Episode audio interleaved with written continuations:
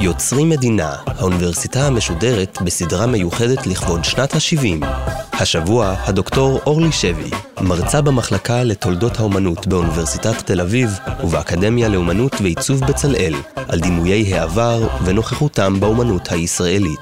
והפעם, על ארכיון, על מוזיאון ועל שאלות של זהות באומנות הישראלית. עורכת ראשית, מאיה גאייר.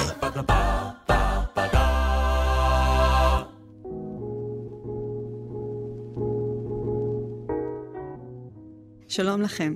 פתחנו את סדרת הרצאות זו, העוסקת בהתפתחות העיסוק בהיסטוריה וזיכרון באמנות הישראלית, בדיון על התהוותו של המבט הביקורתי כלפי החזון הציוני האוטופי בשדה האמנות העכשווית. בהרצאה הנוכחית אבקש להתמקד בהתמודדותה של האמנות הישראלית עם המוסדות הרשמיים שהתהוו בחברה המערבית המודרנית לאחסון ושימור העבר, הארכיון והמוזיאון.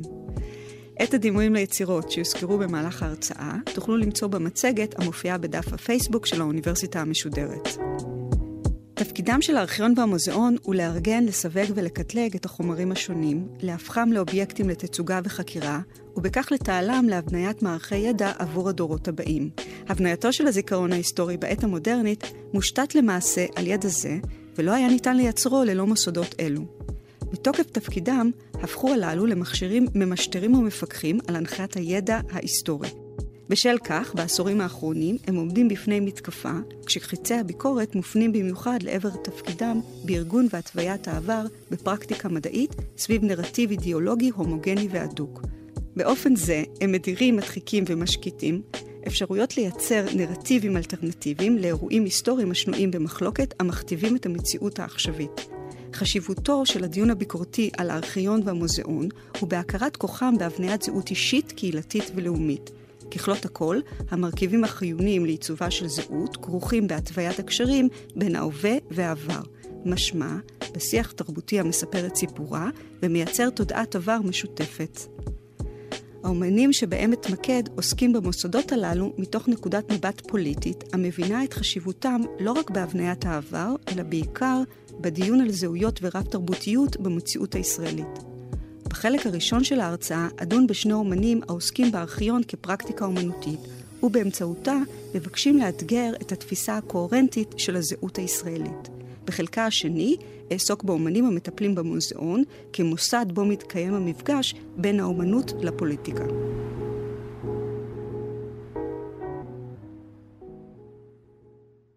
הארכיון בהגדרתו השגורה הוא מוסד ציבורי לשימור מסמכים ואובייקטים. בעשורים האחרונים הפך הארכיון גם לכינוי של פעולה אומנותית, המתאפיינת בשימושים של חומרי ארכיון שונים ובעיקר דימויים מצולמים, כחומרי גלם ליצירת עבודות.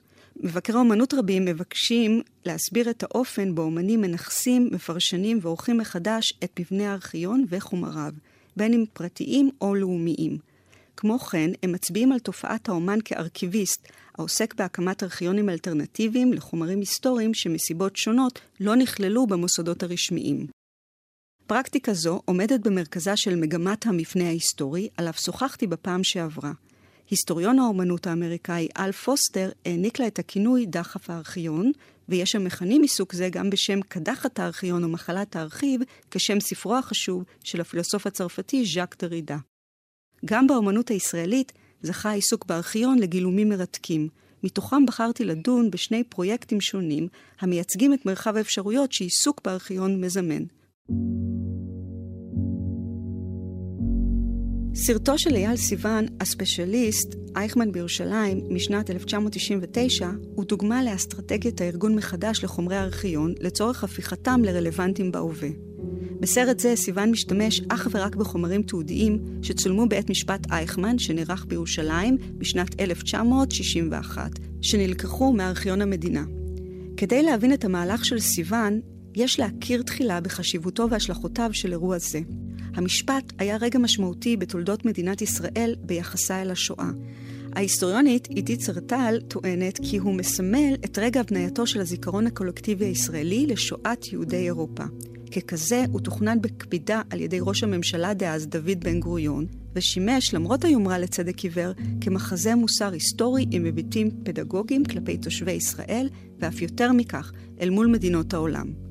זו הייתה הפעם הראשונה שמדינת ישראל זיהתה את עצמה עם הקורבן היהודי, ולקחה אחריות על עשיית צדק היסטורי כלפי התליינים. זו גם הייתה הפעם הראשונה שנשמעו בישראל באופן פומבי עדויות של ניצולים מהזוועה, שהמפורסמת בהם היא עדותו של יחיאל דינור, המוכר בשם הספרותי קצטניק, שטבע את הביטוי הפלנטה אושוויץ. הייתי שם בערך שנתיים. אין הזמן שם כפי שהוא כאן, על הכדור הארץ. הצילומים ממשפט אייכמן, אשר ברבות השנים נשזרו בתוכניות דוקומנטריות רבות על השואה, נעשו מוכרים היטב לישראלים, וכך הפך המשפט לחלק בלתי נפרד מן הזיכרון הלאומי הקולקטיבי. מסקנותיו הפכו לאבני יסוד לא רק בהבניית הזיכרון, אלא גם בהגדרת הזהות הישראלית, באופן בו הם מסבירים את הלגיטימציה לקיום מדינת ישראל והמשך המחיר של ההגנה עליה. המשפט יצר את הקשר הטאוטולוגי בין חורבן יהדות אירופה לבין זכות קיומה של מדינת ישראל, שהערך המנחה בה הוא שיהודים אינם הולכים יותר כצאן לטבח, אלא מכים בחזרה את הבאים להורגם. לאור כל זאת, קשה לדמיין אופוזיציה למעמד ולקחי המשפט. אולם ספרה של הפילוסופית חנה ארנדט, אייכמן בירושלים, דיווח על הבנאליות של הרוע, שפורסם ב-1963, הוא בדיוק כזה. הספר משמש גם נקודת מוצא רעיונית לסרטו של סיוון, ולפיכך טענותיה חשובות לענייננו. אם כן, ארנט נשלחה לדווח על המשפט בירושלים מטעם המגזין האמריקאי הניו יורקר. את מחשבותיה על האירוע היא מפרסמת שלוש שנים אחריו בסדרת כתבות בעיתון שיובילו לפרסום ספרה. לארנט אין ספק בדבר אשמתו של אייכמן ובצורך להענישו. יחד עם זאת, היא מנסחת כתב אשמה חריף נגד ניהול המשפט בישראל. היא יוצאת נגד המהלך הישראלי במשפט המבקש לראות את השואה כאירוע יהודי הקשור להיסטוריה רבת שנים של אנטישמיות. לדידה, הפשעים שבוצעו במהלך מלחמת העולם השנייה הם פשעים כנגד האנושות, ולכן יש לשפוט את אייכמן בבית משפט בינלאומי. ארן זיהתה כי משפט זה היה יכול לזמן דיון בשאלות מוסריות פילוסופיות. למשל, היא מזהה באייכמן פושע מסוג חדש, כזה שהאנושות עוד לא הכירה עד כה.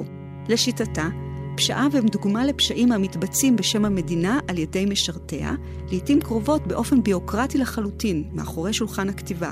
מכאן גם הכותרת, הבנאליות של הרוע.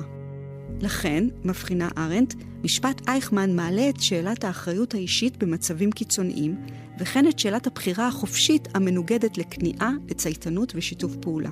במיוחד העסיקה את ארנט הכרוניקה של התמוטטות מוסרית של חברה מאורגנת, והקלות שבה רצח המונים יכול להפוך נורמלי, כשישנו ציות ושיתוף פעולה עם מעשים רצחניים. לדעתה, בניסיון לייחד את אושוויץ ואת הנאצים כישות דימונית, הוחמצה ההזדמנות להבין את השואה כתופעה הדורשת ניסוח מחדש של כללי האתיקה והמוסר הפוליטי. טענותיה של ארנט עוררו כמובן כעס בארץ. לצד מספר מאמרי ביקורת שפורסמו נגדה, מרב הטינה בא לידי ביטוי בהתעלמות הגורפת לה זכה ספרה. אייכמן בירושלים לא יצא לאור בעברית ובכך נדחק מהשיח המחקרי והציבורי בישראל. הספר תורגם בסופו של דבר לעברית רק בשנת 2001, שנתיים לאחר השלמת סרטו של סיוון. לאור זאת, הסרט היווה עבור צופים ישראלים רבים מפגש ראשון עם טיעוניה הייחודיים של ארנד ובכך חשיבותו. בספיישליסט חוזר סיוון כאמור אל התיעוד המוסרט של משפט אייכמן. זאת במטרה לחשוף מתוכו את התזה והמסקנות שהציגה ארנדט בספרה. בשימוש שלו בקטעי ארכיון הוא מבקש לייצר מהלך כפול. פירוק כל התובנות המוכרות לצופה הישראלי מהמשפט, והרכבתן מחדש על מנת לקדם את התזה של ארנדט. הכלי בו משתמש סיוון במיומנות רבה היא העריכה הקולנועית. פרקטיקה זו מאפשרת את הטיפול החתרני בחומר הגלם, במיוחד בהפרת הסדר הכרונולוגי של אירועי המשפט. כך, למשל, עדויות הניצולים מצומצמות למספר דקות בלבד, שבחלקן לא נשמעים הקולות של העדים, ולכן הפוקוס מנותב לתנועות הגוף ולמחוות הדרמטיות. לעומתם, בעריכת הסרט ניתן דגש רב על הופעתם של הנאשם והסנגור, המודרים בדרך כלל מהדיווחים על המשפט. דקות רבות בסרטו של סיוון מוקדשות לדיון שאייכמן מנהל מול השופטים והתובע על שאלת האחריות והלגיטימיות של עמידתו לדין על ביצוע פקודות ומשימות שהוטלו עליו. העריכה של סיוון מדגישה את העובדה עליה מדווחת ארנדט כי המשפט מתנהל בשני רבדים מקבילים שאין יכולת להפגישם. האחד מנוהל בנתיב שהתוותה התביעה הישראלית במשפט, בו נשמעו קולם של הקורבנות על התנאים הקשים ששררו במחנות ההשמדה, וזהו השיח האמוציונלי. ואילו את הנתיב השני ניהל אייכמן, שחתר בטיעונים ביוקרטיים לערער את סמכות בית המשפט הישראלי לפסוק בעניינו.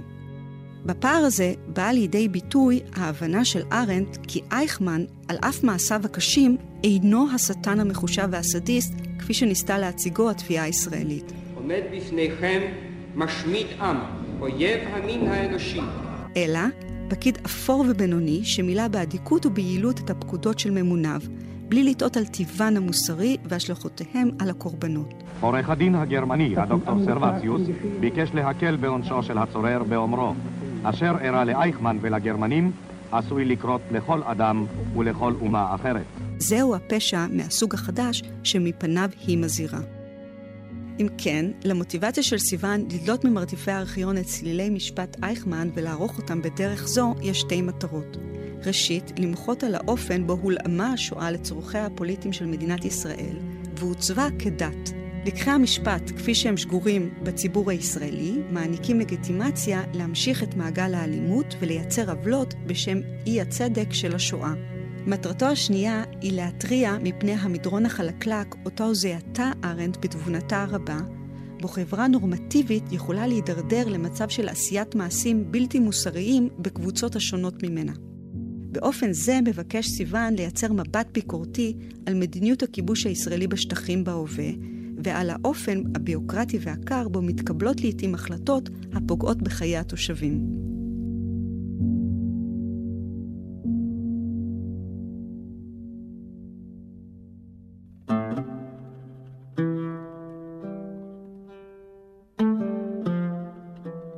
פרקטיקה נוספת שקשורה בעיסוק האומנותי בארכיון מבוססת על הקמתם של ארכיונים אלטרנטיביים. במקרים אלו מודגשת החשיבות של יצירת ארכיון לגיבושה של זהות קהילתית ייחודית, המבקשת לשמור על צביונה בתוך הסיפור ההגמוני. מתוך מטרה זו פועל דור גז, אומן ממוצא יהודי נוצרי, בסדרת תערוכות העוסקת בסוגיית ההיסטוריה והזהות של הקהילה הנוצרית-פלסטינאית בארץ ובפזורה.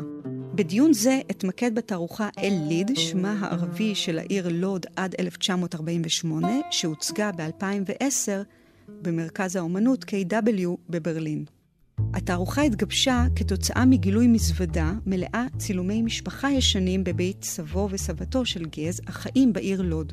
בין התמונות נמצאו גם צילומי טקס נישואיהם ב-1949, שהיה הראשון בקהילה הנוצרית בעיר לאחר כיבושה. צור מקורי נמצא מתחת למיטה, ואני בזמנו שאלתי את סבתא מדוע הוא נמצא מתחת למיטה ולא באלבום אה, משפחתי או תלוי בבית. ואז הבנתי שהיום חתונה הוא גם יום אסונה. כלומר, זו הייתה החתונה הפלסטינית הראשונה לאחר אה, כיבוש לוד ב-1949, וזה היה אומנם אירוע משמח, שאליו מי שנותר בעיר אה, הגיע, אבל גם כמובן אירוע שמסמל את כיבוש העיר. באמצעות תמונות אלו מגולל גז את סיפורם של משפחתו, של הקהילה הנוצרית-פלסטינאית ושל העיר לוד.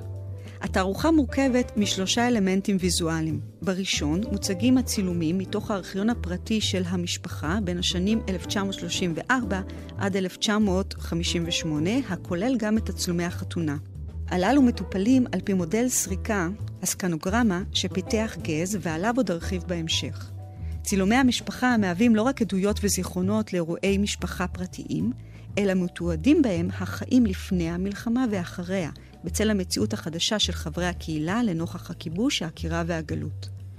בדרך הצגה זו מצליח גז להצביע על התמוטטות הגבולות שבין הספירה הפרטית והספירה הציבורית, ובין הסיפור האישי והסיפור הקולקטיבי, והם הופכים בתערוכה לשזורים זה בזה, ללא יכולת להפרידם. מרכיב שני הם מסכי וידאו בהם מספרים נציגים של שלושה דורות מבני המשפחה על ההתמודדות היומיומית עם זהותם הייחודית כקבוצת מיעוט בחברה היהודית והערבית בישראל. במקביל להם מוצגים צילומיו של גז המתעדים את מרכז העיר לוד בשנת 2009.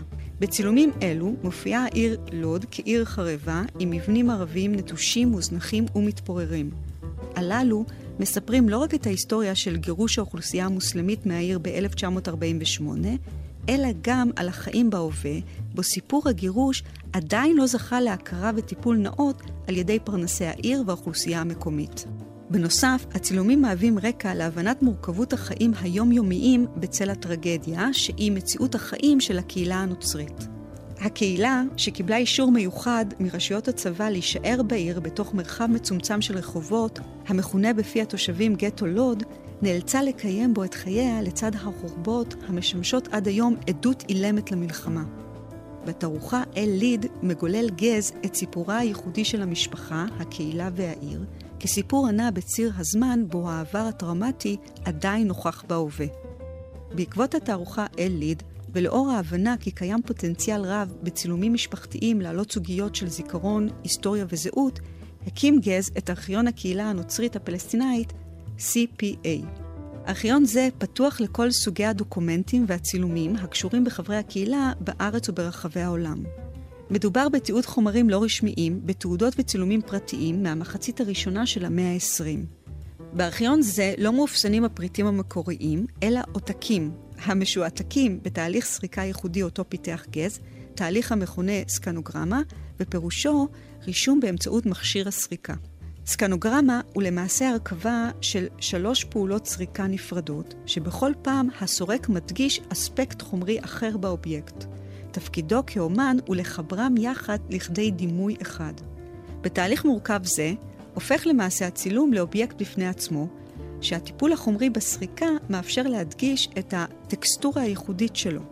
הכוונה לקיפולים, לשריטות ולכתמים המצויים בתמונות, אשר ממחישים יותר מכל את השפעת הזמן על הצילומים ואת השימושים הרבים שנעשו בהם. בסופו של דבר הסקנוגרמים הופכים למעין שרידים המאפשרים לצופה לדמיין את הסיפור ההיסטורי המורכב המוטבע בהם. באמצעות הארכיון הנוצרי-פלסטיני מבקש גז לייצר נראות לקהילה אתנית זו, שהוטמעה הן בתוך הנרטיב הציוני והן בזה הפלסטיני. סיפורם הייחודי מצביע על המורכבות במושג זהות ומאתגר את העמדה הבינארית בה מוצגת הזהות בשיח על הסכסוך. גז מייעד את הארכיון לא רק לתצוגה במוזיאונים, אלא לשימושם של אנשי מחקר שיבקשו בעתיד לייצר מחקרים וידע על קהילה ייחודית זו. עד כה הצגתי פרויקטים אומנותיים העוסקים בארכיון ובתפקידו בתהליכי ההבניה של זהות לאומית ואתנית. בשלב זה אעבור לדיון בדוגמאות לפרויקטים המתרכזים בחקירתו של המוזיאון. העיסוק של אומנים במוסד זה הפך מרכזי בשנות ה-60 של המאה ה-20, שבליבו דיון ביקורתי במוזיאון לאומנות ובעמדת הכוח שצבר בשיח על טיבה של יצירת האומנות. דיון שזכה לכינוי הביקורת הממסדית. מתוך מגמה זו התפתח בשנים האחרונות דיון נוסף, העוסק באופן רחב יותר בשאלת תפקידו של המוזיאון לסוגיו השונים בכינון זהות קולקטיבית. דיון זה מתקיים גם בפרויקטים האומנותיים אותם מנתח מיד, אולם לצורך כך יש לבחון תחילה את ההיסטוריה של המוזיאון. המוזיאון התהווה במאה ה-19 כמוסד מדעי, ותפקידו היה לארגן ידע באופן רציונלי, מתוך הכאוס של חדר הפלאות, שהוא המודל הישן של המוזיאון, אל הסדר של אולמות התצוגה המודרניים. בתהליך זה הוא עוצב סביב נושאים ייחודיים וספציפיים, למשל, מוזיאון המוקדש לגיאולוגיה, לטבע, להיסטוריה או לתולדות האומנות, ובתוך כל אחד מהם יתעצב האוסף כך שיאפשר להבין את האובייקטים המוצגים בו כחלק מתפיסת עולם אידיאולוגית המבקשת לקדם מסר אחיד למבקרים בו. כך, המבקר בתערוכה מנותב למסלול צפייה, שבו המסר המיועד מועבר באמצעות המוצגים, ועקרונות התצוגה בו נקבעים כדי לייצר חוויה של חקירה ולימוד. מרכיבים אלו בדיוק עומדים לבחינה בתערוכה בשם האוסף הלאומי של התנועה הציבורית, שנערכה בשנת 2015 במוזיאון תל אביב. התנועה הציבורית היא קבוצה של אומני פרפורמנס הפועלים יחד מזה כ-12 שנה בארץ וברחבי העולם. ייחודה של הקבוצה הוא האופן בו הצליחו לנסח שפה תנועתית המבוססת על כוריאוגרפיה הנהוגה במצעדים ותרגילי סדר צבאיים, כמו גם בתרגול מצבי חירום וחילוץ פצועים. בדרך כלל הם מופיעים במרחבים ציבוריים, כשהם לובשים מדים צבאיים בצבע לבן. באמצעות שפה זו יוצרים חבריה מופעים מרהיבים אותם הם מכנים בשם פעולה. אנחנו אסופים בתוך בטון כבד, נעים ברגליים קלות, בגלריות דוממות. יצירות האומנות נחות שם. לא יחול בהן כל שינוי. המוזיאון הוא המקום אליו הן שואפות להגיע. כאן הן מתרכזות לנצח. דנה יהלומי, העומדת בראש התנועה הציבורית, מתארת את פעילות התנועה כחקירה של הקשר המסואב שבין אומנות ופוליטיקה. נקודת המוצא לשיטתם היא שהאומנות היא כלי בידי האידיאולוגיה ליצירת זהות לאומית. לכן, על כל מקום אליו הם מוזמנים, עורכים תחילה חברי הקבוצה תחקיר מעמיק כדי להבין את מהות הקשר בין מוסדות האומנות ומוסדות השלטון. בעקבות הממצאים, ובהתאם למסקנות אותו תחקיר, מתגבשת הפעולה האומנותית. בדרך זו פעלה התנועה הציבורית גם בתערוכה האוסף הלאומי. התחקיר שערכה הקבוצה ביקש להבין כיצד משמש מוזיאון תל אביב סוכן של הלאומיות הישראלית. החקירה ארכה כשלוש שנים ונאספו בה חומרים על היסטוריית המוזיאון, הכללים הנהוגים בו ועל האוסף עצמו. התחקיר המחיש יותר מכל את תפקידו של מוזיאון תל אביב כגוף פוליטי, הפועל לכינון ושימור המורשת התרבותית. הפעולה האמנותית שנוצרה בעקבותיו כללה סיור לא שגרתי של 45 דקות, המנוהל על ידי חברי התנועה במרחבי המוזיאון, כולל במחסנים הסגורים בדרך כלל לקהל. הסיור כלל הסברים, הקראת טקסטים ונאומים, שירים וקטעי כיאוגרפיה. המסלול שהתוו ביקש לייצר נרטיב המתחרה לזה שמציע בדרך כלל המוזיאון למבקריו. בנרטיב של התנועה מוסבת תשומת הלב למופעים של המדינה הלאומית בתוך המוזיאון לאומנות. הללו באים לידי ביטוי במספר רבדים. ראשית, מודגש תפקידו של מוזיאון תל אביב בהיסטוריה הישראלית בתור החלל ששימש מקום התכנסות לטקס הכרזת מדינת ישראל ב-1948. מדינת ישראל, לפי מה שאני יודעת, היא המדינה היחידה שהוכרזה בתוך מוזיאון לאומנות. כן. אה, והייתי אומרת שזה הפרפורמנס הפוליטי הראשון שהיה במוזיאון. זאת אומרת, אנחנו רק המשכנו איזשהו דור שהנחיל אה, מסורת של המפגש הזה. משכנו של המוזיאון השתנה מאז, ושינוי זה הסווה את הקשר. לכן, כחלק מהתערוכה, שוחזר אולם ההכרזה מחדש במוזיאון הנוכחי, וכלל את התפאורה ואת תערוכת הציורים המקורית, שנעצרה במיוחד עבור אירוע זה.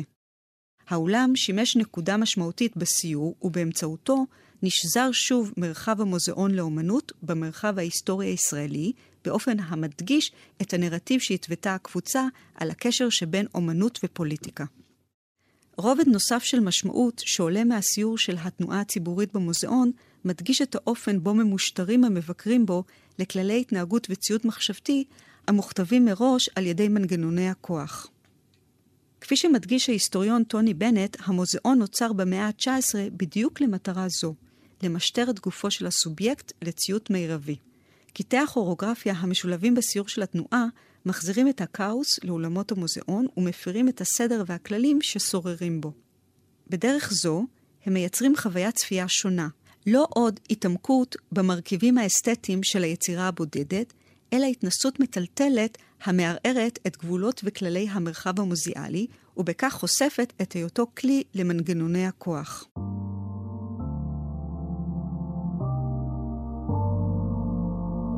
את הרצאתי ארצה לסיים עם אחד הפרויקטים הייחודיים המתקיימים כיום בישראל. מדובר במוזיאון ג'סי כהן השלם, שהוא פרויקט מתמשך של האומנים אפי ואמיר, והוא גם מרכיב מרכזי בפעילות של המרכז לאומנות דיגיטלית בחולון.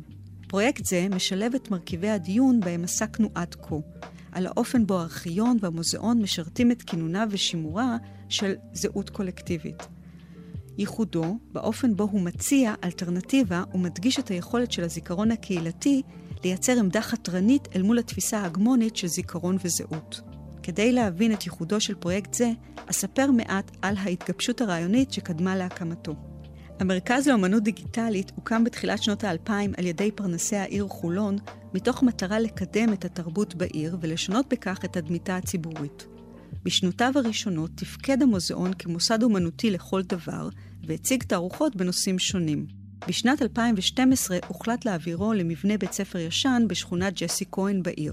המעבר הזה, כפי שהסביר המנהל האמנותי של המרכז אייל דנון, הצריך היערכות מחדש בכל הקשור להגדרות פעילותו, לאופי התערוכות המוצגות בו, ולקשרים עם הקהילה מסביב. אחרי הכל, שכונת ג'סי כהן, שהוקמה עבור עולים חדשים ב-1951, מאכלסת ברובה משפחות עם רקע סוציו-אקונומי נמוך, וחלק ניכר מתושביה הם מהגרים חדשים, במיוחד מאתיופיה. זאת אומרת, לא הקהל הממוצע לצריכת אומנות עכשווית.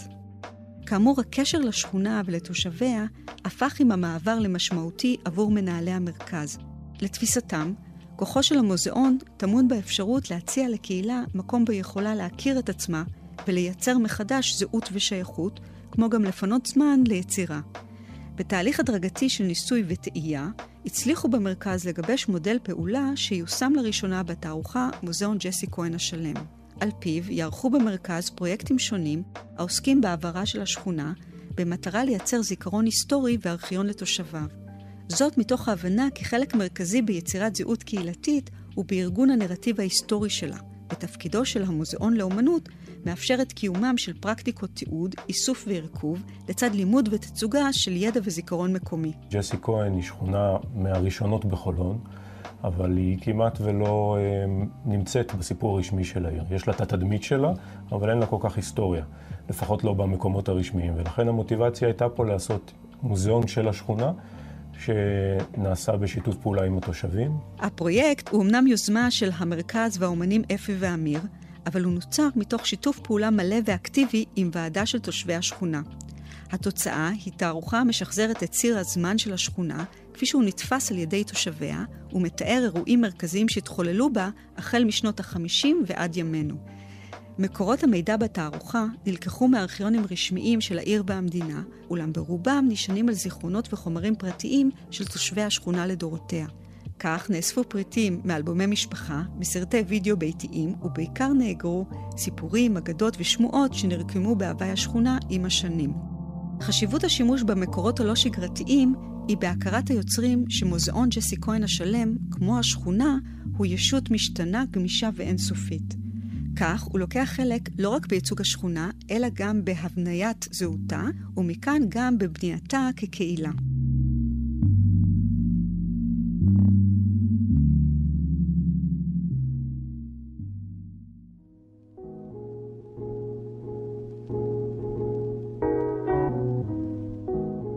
ראינו כיצד ידע המאופסן במחסני הארכיון או מוצג באולמות המוזיאון, מאפשר לקהילה לייצר את הזיכרון הקולקטיבי, ובכך לחדד את תודעת הזהות הלאומית הקנונית. מאידך, כפי שעולה מהפרויקטים האומנותיים אותם הצגתי בהרצאה זו, ניתן באמצעותם לבנות גם זיכרון חדש, לעבד, לעצב ולייצג את הסיפורים של קבוצות שוליים המודרות בדרך כלל מהסיפור ההגמוני. זאת על מנת לאפשר את קיומן של היסטוריות מקומיות ויצירת תחושת שייכות קהילתית המקדמת את חזון החברה הרב-תרבותית בישראל. בזכותם ניתן להרהר באפשרות לתיקון ולאיחוי הקרעים שנוצרו בעבר, המשבשים עדיין את החיים בהווה. הרהורים המדמיינים עתיד אופטימי לחברה הישראלית. בכך אעסוק בהרצאה הבאה, האחרונה בסדרה.